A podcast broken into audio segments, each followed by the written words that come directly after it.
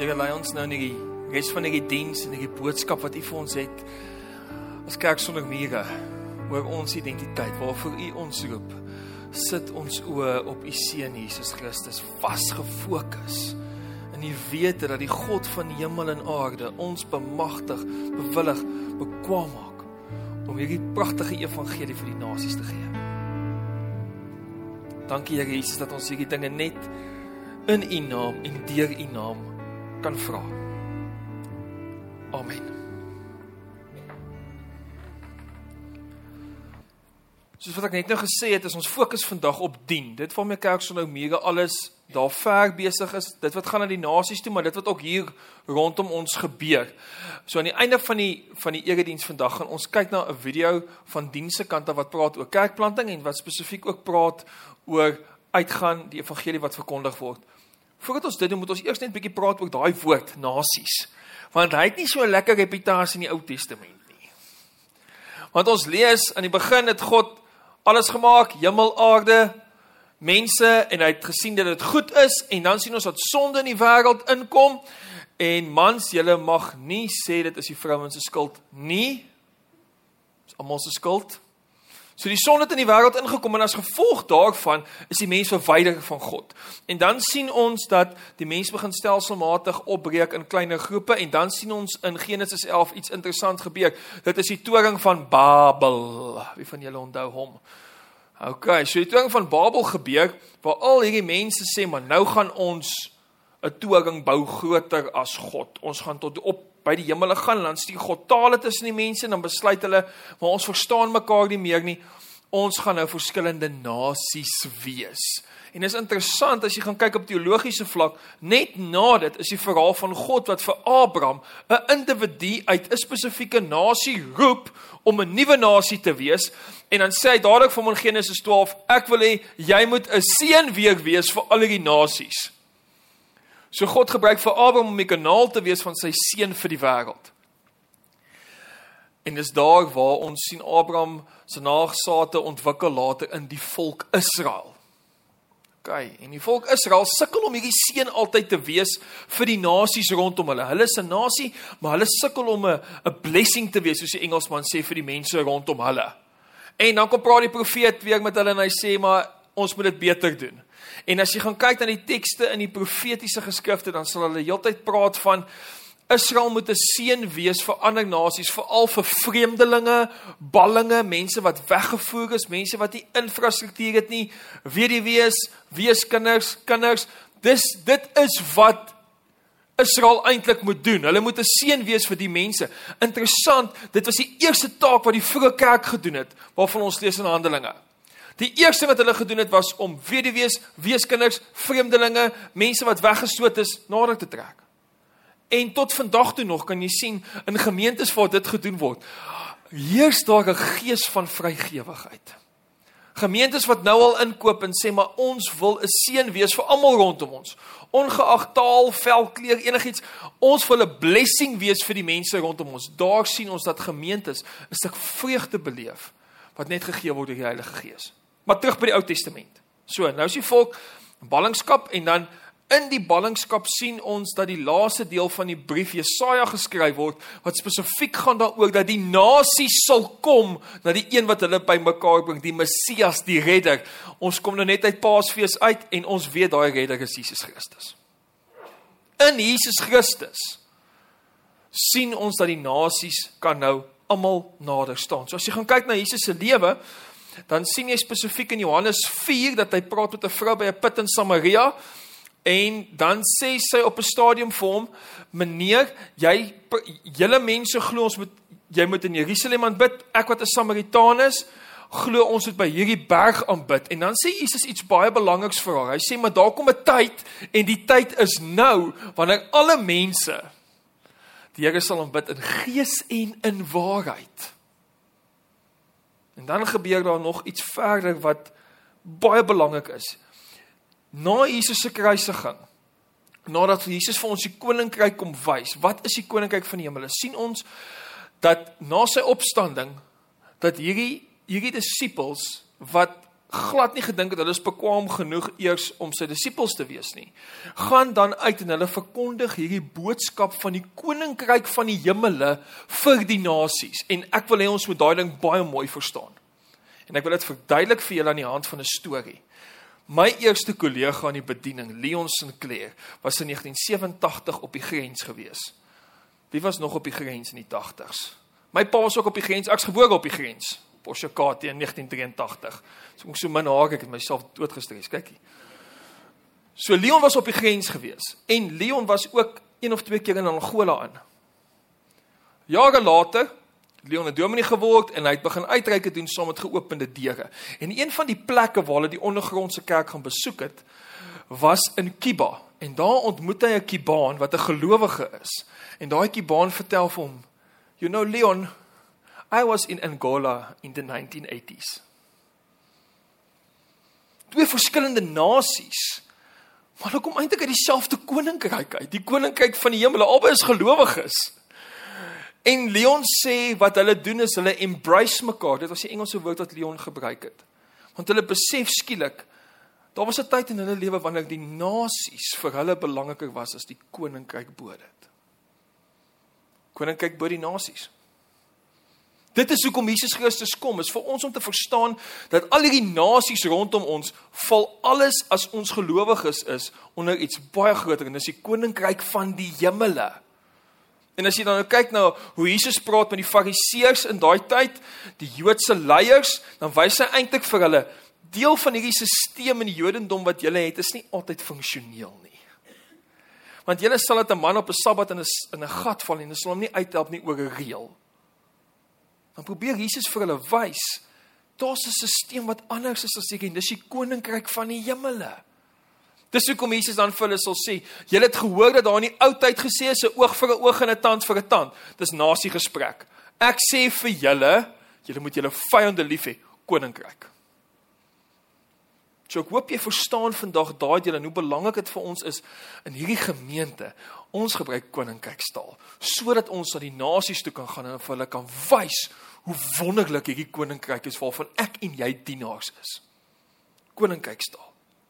En as ons dan nou kyk en spesifiek in hierdie koninkryks taal wat gebruik word is mense van verskillende opvoedingsvlakke neem die boodskap van Jesus Christus persoonlik op. Want jy sit met iemand in die Nuwe Testament soos Paulus.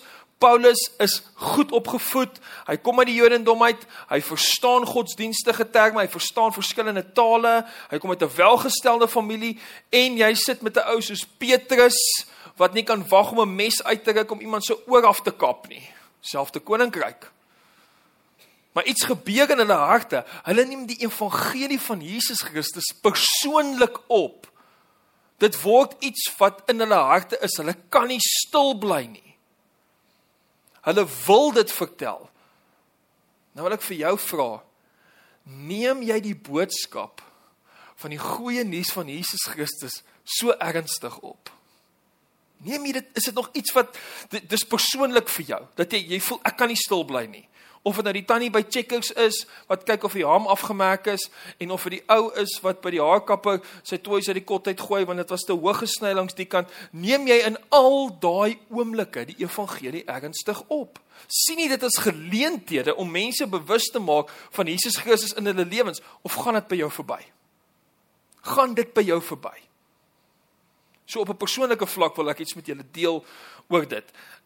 Pel van my van skool wat vir 'n lang tyd nie naby die Here geleef nie, met wie ek lank 'n pad al gestap het, het ehm um, maar ek het agtergekom ek en hy het lanklaas regtig 'n goeie geestelike gesprek met mekaar gepraat. Lanklaas evangelie taal gebruik.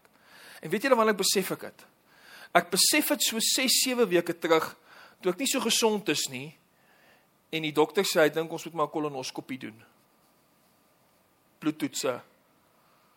Jesus nou, Gert bel my of hy het my ge-WhatsApp en ek besef in daai oomblik as ek hier slegte nuus kry in die volgende paar dae, het ek al genoeg met een van my beste vriende van skool gepraat oor Jesus.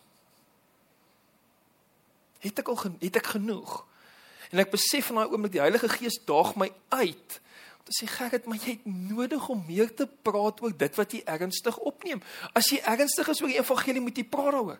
Jesus, ek vat 'n oomblik en ek praat bietjie met Gerrit oor die evangelie en hoe nodig ons Here het en hy sê ja nee, verseker. Ons ons kan nie sonder die Here nie. Moenie wag om die evangelie ernstig op te neem totdat jy slegte nuus moontlik kry nie. Neem dit vandag ernstig op in hierdie oomblik. Hierdie oomblik is vir jou gegee om dit nou ernstig op te neem. Moenie te lank wag nie. Vat die oomblik. So ek wil met julle drie gees vandag deel. Op dis verskillende maniere wat die vroeë kerk hierdie koninkryk en gaan na die nasies ernstig opgeneem het. Ek gaan met julle drie tekste deel en dis drie gees. Die eerste een is gebed, die tweede een is gaan en die derde een is gryp. Julle kan dit sommer met my sê. Gebed. Gebed, mooi klas, julle is by. Gaan. Gaan. Ek moet dit en gryp. Wie dit onthou, mooi man. Kerk sonder mure midstream. Vanaand is ek by Glow. Ek sal kyk of hulle so vinnig is soos julle. OK. So die eerste ene is hierdie dis hierdie gebedsdeel. Die vroeë kerk neem gebed verskriklik ernstig op en ek wil vir julle 2 Tim of 1 Timoteus 2 vers 1 tot 4 lees. Jy kan in jou Bybel blaai na 1 Timoteus 2 vers 1 tot 4. Gaan spesifiek oor hoe hulle die gebed ernstig opneem. Dit gaan ook op die skerm wees. Ek gaan lees uit die 2020 vertaling. Nie omdat hy maklik is nie, maar ons moet hom seker begin gewoond raak. Sommige grappie. Kom ek lees vir ons. Dit sê die volgende: Heel eerste versoek ek dat smekinge, gebede, voorbidding en dankgebede vir alle mense gedoen word. Vir alle mense gedoen word. Paulus is besig om te praat met 'n man met die naam van Timoteus. Timoteus is 'n jong leier. Ons lees in Handelinge 17, 18, 19 dat hy 'n jong man is wat tot bekering gekom het en Paulus sien baie potensiaal in hom en hy wil hom leer hoe om eintlik 'n gemeente te plant. Ons gaan ons net nou weer iets kyk van kerkplanting en hoe belangrik dit is vir ons gemeente. Maar hy's 'n jong persoon wat wat eintlik 'n gemeente begin. En dan sê hy vir hom, die heel eerste ding wat ek van jou versoek is smekinge, gebede, voorbidding en dankgebede vir alle mense. Daai smekinge. As jy dit wil rowweg vertaal uit die Grieks, lyk dit soos iemand wat val op sy knieë. Dis dieselfde tipe smekinge wat ons sien in die Grieks wanneer daai vrou by die regter kom en pleit vir haar saak. Die onregverdige regter. Dis daai wat jy op jou knieë val en jy kan nie anders nie. Nou wil ek jou vra, neem jy vandag die boodskap vir die nasie so ernstig op of is dit maar net iets wat daar ver af is vir jou? Want Paulus sê vir Timoteus, dit moet smekinge wees. Hoor dan verder wat sê hy. Hy praat van gebede, voorbidding en dankgebede. Nou wil ek dit vir julle so verduidelik oor gebed. Wie van julle is al geaffekteer deur beurtkrag in die oggend as jy moet koffie maak en jy druk die koffiegrinder se bone en daar's nie genoeg. Wie van julle was al deur dit geaffekteer? Kom aan, kom aan. Okay, so ons het ook 'n lekker koffiekranetjie by die huis. Maar nou sit jy met die uitdaging met beerkrag dat as die krag af is, kan jy nie die bone grind nie, so reg en dan soek jy die friskou. Ons het nog 'n bottel friskou hier ergens nie. En omdat jy span gees het, gooi sommer Cremora ook by. Want as dit goed genoeg was vir hom Jan Spies, is dit goed genoeg vir jou. Ons almal was al deur dit geaffekteer. Nou so ek en Chanel het 'n ou koffiegrinder wat nog ek dink my ouma was of my oupas, ek is seker wie se dit was nie. Maar het jy al met daai ding op jou bone grind?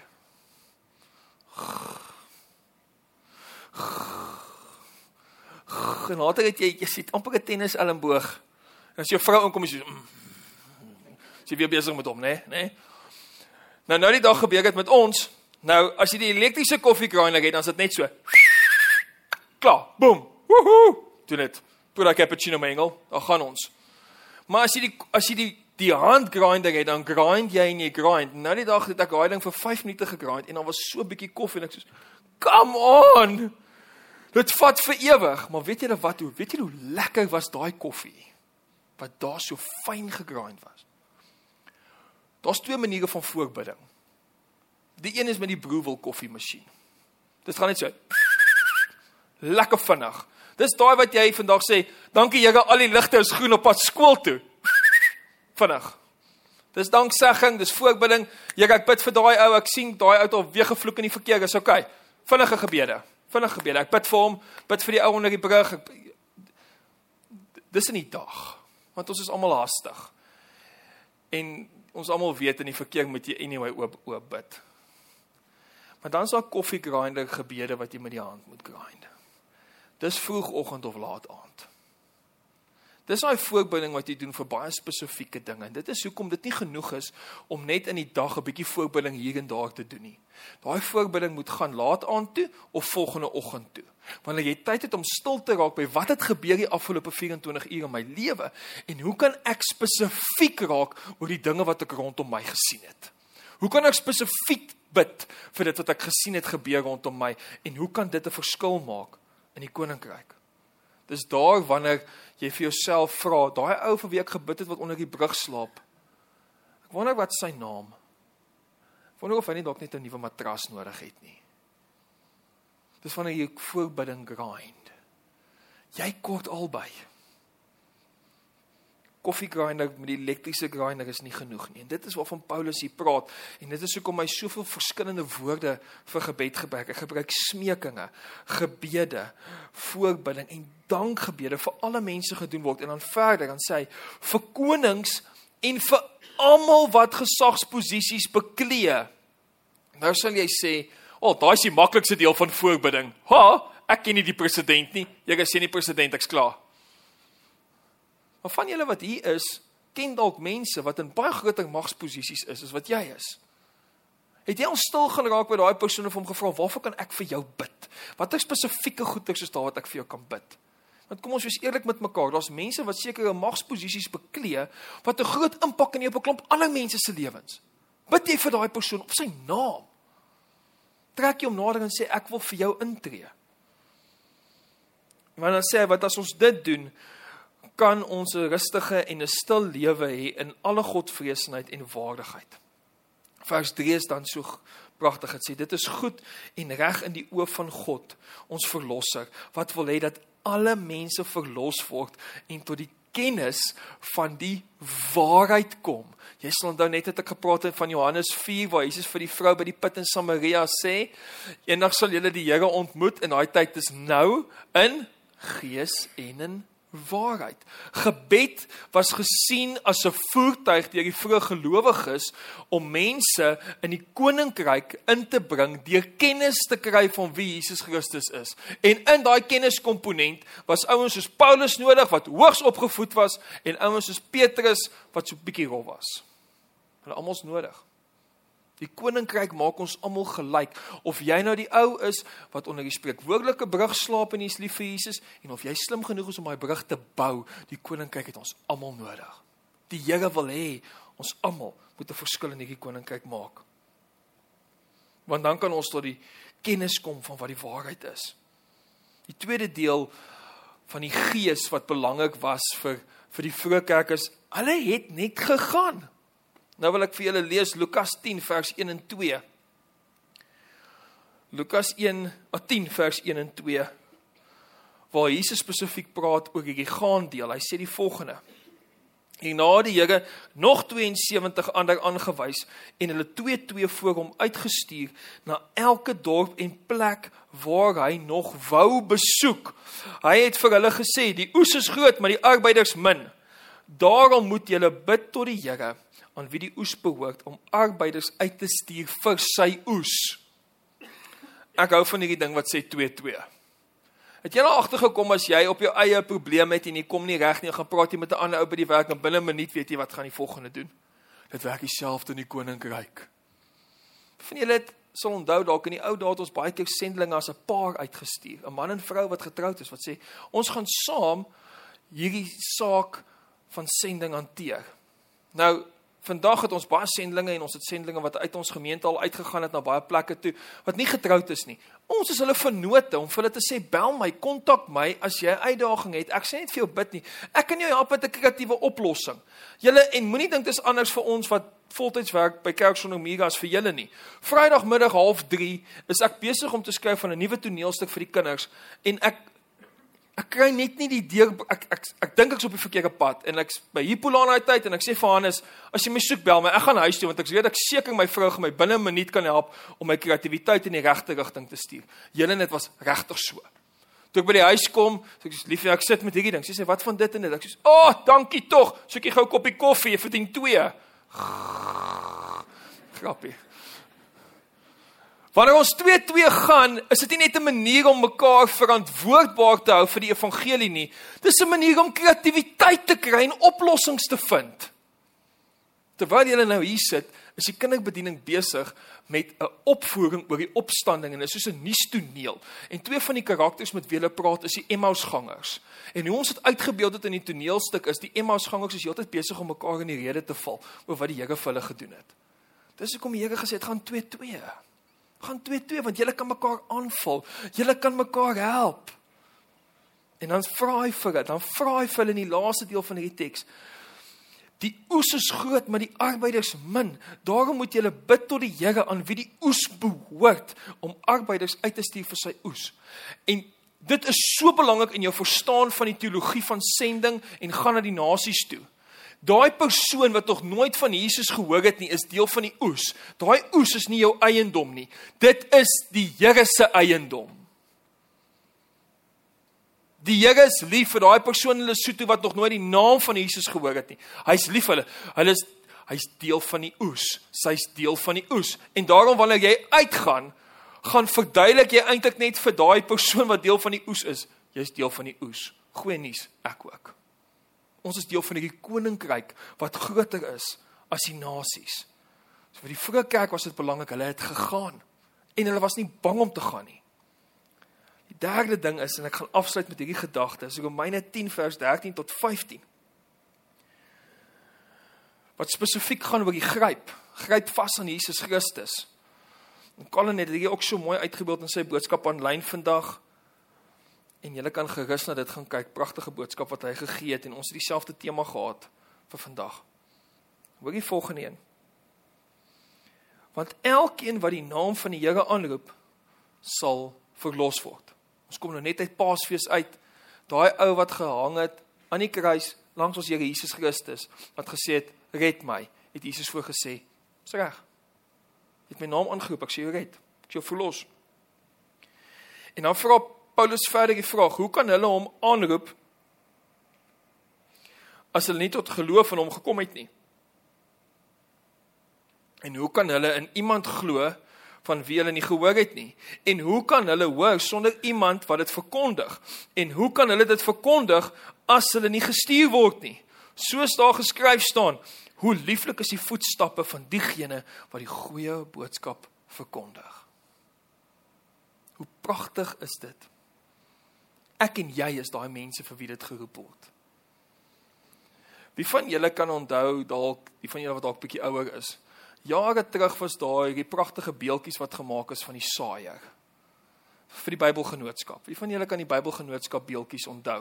Dis ook voor op die 1983 vertaling okay. Nou, Daai spesifieke beeldjies is gemaak deur 'n oom met die naam van Phil Potgieter, oom Phil is oorlede. Ek het vir hom vol goed geken. En ek het eendag vir hom vol gevra, "Wat was die moeilikste deel om uit te beeld in daai ding?" Want kyk, as jy enige standpunt wat jy maak, as jy probeer beweging in dit inkry, nê? Toe sê hy die moeilikste ding om te doen was om te wys dat daai oue stuk veerkragtigheid in sy bene het terwyl hy saai. Hy wil dit doen. Hy het gesê dit was die moeilikste deel want hy sê dit is wat hier staan in hierdie deel. Hoe lieflik is die voetstappe van die gene wat die goeie boodskap verkondig. Daai goeie boodskap verkondig is nie ag oh, nog weer nie. Ek het 'n hoofpyn. Dis hierdie veerkragtigheid, dis hierdie opsoek, waar is die grond goed? Dis saai, dis saai op die regte plekke met 'n opgewondenheid. Dit is hoe lieflik is die voetstappe van die een wat ek die goeie boodskap verkondig. In die Grieks is hier in 'n baie optimistiese taal geskryf. En dis wat die Here vir ons soek. Hy wil hê ons moet op 'n opgewonde manier uitgaan en hierdie evangelie verkondig. En dit gaan begryp. Het jy al vasgegryp aan Jesus Christus? Want ergens in jou lewe was daar iemand wat met jou die evangelie gedeel het. Of dit was jou pa of jou ma toe jy klein was, dalk 'n oupa of 'n ouma of dalk was dit in 'n skool gewees Ergens het iemand gemaak dat jy die Here so beleef het dat jy vandag hier sit. Ergens het iemand wat gegryp het aan die Here jou gehelp om te gryp aan die Here. En nou is dit jou beurt. So doen nie dit vandag. Daar is vandag 17 meer as 17000 groepe mense op aarde. 17000. Dis nou Afrikaners wat ook al. Kom ons praat van 17000 nasies. Meer as 7000 van daardie groep het nog nooit die naam van Jesus Christus gehoor nie. Dit is navorsing wat ek ernstig genoeg opneem om te weet ek moet die evangelie ook verkondig. Kom ons gaan doen dit dan saam. Kom ons doen 'n gebed. Here God, wanneer ons kyk na dit waarmee ons besig is, dan is ons baie nederig in afhanklikheid. Here, ons is so dankbaar dat U ons waardig ag om hierdie pragtige boodskap van die koninkryk van die hemele, van U seun wat die koning is van hierdie koninkryk te verkondig. Maak ons ywerig, maak ons opgewonde. Geef ons 'n veerkragtigheid in ons bene om hierdie saad te saai en die evangelie uit te dra. Leer ons regtig om te bid. Leer ons regtig om te gaan en leer ons regtig om aan U vas te gryp en ander te help om dieselfde te doen. Amen.